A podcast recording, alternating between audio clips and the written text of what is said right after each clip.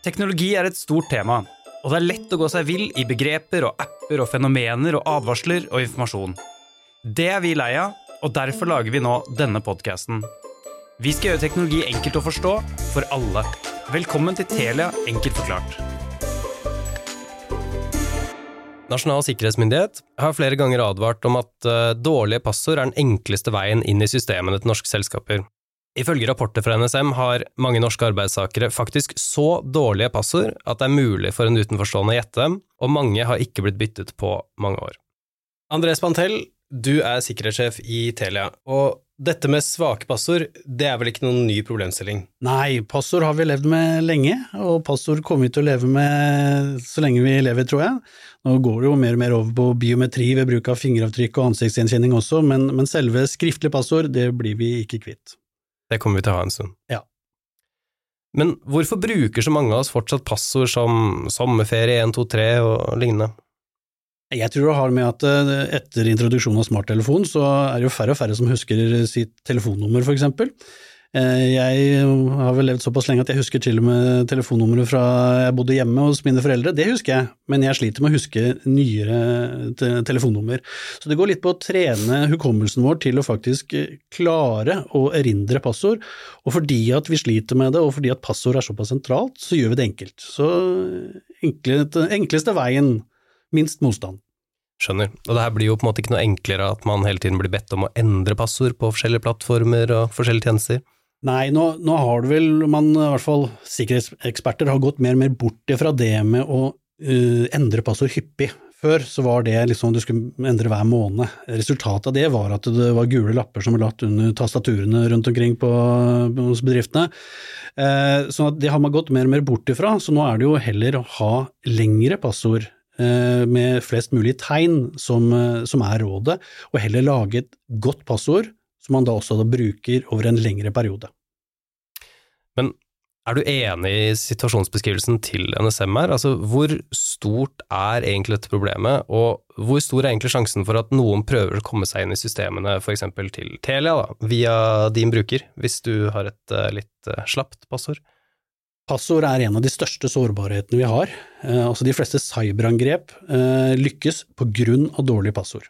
Enten administratorpassord som er satt fra leverandør som man ikke endrer, eller at man eh, bruker passord som eh, sommer 2023, påske 2023 osv. Jeg er sikker på at det er veldig mange som, som, eh, som bruker den, det formatet. Så det at da angriperne kjører algoritmer ved bruk av f.eks. påske, sommer 2023, så treffer de på ganske mange. Vi, vi, er enkle sjeler, vi gjør det enklest for oss sjøl, og, og, det skaper dårlig sikkerhet. Så man må ikke bli eh, pekt ut som en mulig inngang til et system av en eh, hacker eller en annen ondsint aktør. Det holder at de kan kjøre store angrep som finner sårbarheter. De skanner nettverkene våre eh, for å finne veier inn. Eh, og, og, da tester de uh, ulike passord som er kjent for å, å fungere. Alt fra type uh, brukernavn admin og passord admin til 1, 2, 3, 4 osv. Så, videre. så det, det, det, er fremdeles mange som, som benytter seg av altfor enkle passord. Hadde flere f.eks. da brukt Mitt råd er å bruke en setning. Altså ta en, en kjent sang. Lisa gikk til skolen i 2023 i røde sko for eksempel. Altså det er et veldig langt passord, eh, og hvis man har relasjon til det som sies, så er det også lett å huske.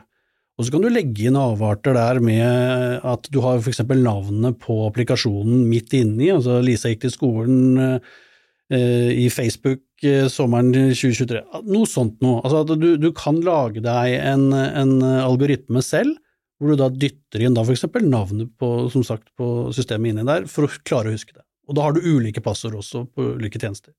Du var jo inne på dette her i stad med lengde og kompleksitet og forskjellige bokstaver og sånne ting, men, men, hva er på en måte logikken bak det? Hvorfor gjør det at vi får sikrere passord? Du kan tenke deg når noen prøver da å gjette passordet ditt. Eh, hvis du har eh, fire tegn i passordet ditt, og jeg skal gjette det, så er det mange færre kombinasjoner om du har fire tegn enn om du har 20. Hvis du har 20 tegn, så må jeg gjette veldig mange flere ganger. Og nå er det jo ikke personer som sitter og gjør dette, er jo datamaskiner som tester den algoritmen. Så det er poenget med at du skal ha flere ulike kombinasjoner som er mulig. Da må de gjette mange flere ganger, og det gjør mye vanskeligere for dem å klare å, å gjette passordet ditt. Er det egentlig mulig å designe et helt bombesikkert passord? Eller er dette litt som med sykkellåser, at man bruker mer tid og mer innsats på en veldig tung og stor lås, men det er mulig? Jeg, jeg, vil si at alt er mulig i de rette, rette, omstendighetene og hvor mye tid du har, selvfølgelig. Altså Hvis du bruker uh, typ sykkellåseksempelet, så er det klart at det, det, vil ta meg lengre tid å komme gjennom en, en tjukk lås uh, som er uh, laget, enn en, en tynn en. Det samme blir med passord. Har du et kort passord, lettere å gjette. Har du et langt passord, så er det som en tjukkere lås. Men når det er sagt, da, så, så er ikke passord 100 og det er derfor også vi gjerne anbefaler å bruke multifaktorautentisering på så mange tjenester som mulig.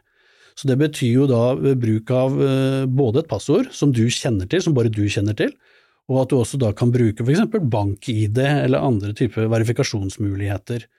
Eh, og eventuelt også biometri, fingeravtrykk, ansiktsgjenkjenning, eh, for å sikre det. For at hvis jeg er en online angriper, vanskelig for meg å da gjenskape din, ditt fingeravtrykk, eller klare å gjenskape din bank-ID-løsning. Uh, jeg, det er ikke noe, noe, god løsning og løsninger på alle problemer dette her heller, men det gjør det enda vanskeligere for angriperne. Og det er det det handler om? Det er det det handler om. Vi, vi, skal forsinke, vi skal gjøre det vanskelig. Det er som om du har eh, en veldig god dør hjemme. Da går du til naboen for det er en dårligere dør, hvis de har det. Så det, det, det, handler om å, å, avskrekke og få folk til å gå et annet sted. Nå snakker vi om styrken på selve passordet, men er det andre ting man burde være obs på i den sammenhengen her? Ja, altså øh, når man er i minibanken, så blir man oppfordret om å skjule PIN-koden sin når man taster inn. Det bør man også gjøre på sin mobil, eller om det er på en PC. Man skal alltid være klar over omgivelsene sine når man taster inn passord på enhetene sine. Eh, det er eksempler blant annet fra USA hvor eh, man eh, konkret går etter Apple-brukere, hvor de da tilnærmer seg personene på en bar eller en kafé, prøver å bli kjent med vedkommende, innynde seg, eh, kanskje foreslå at eh, skal vi ta en selfie sammen? Eh, alt for å prøve å få personen til å trigge det å taste passordet sitt på telefonen. Etter å ha da eh, forsikret seg om at nå vet jeg hva passordet er, så stjeler de telefonen, går inn på telefonen og har da egentlig tilgang til hele livet til denne personen.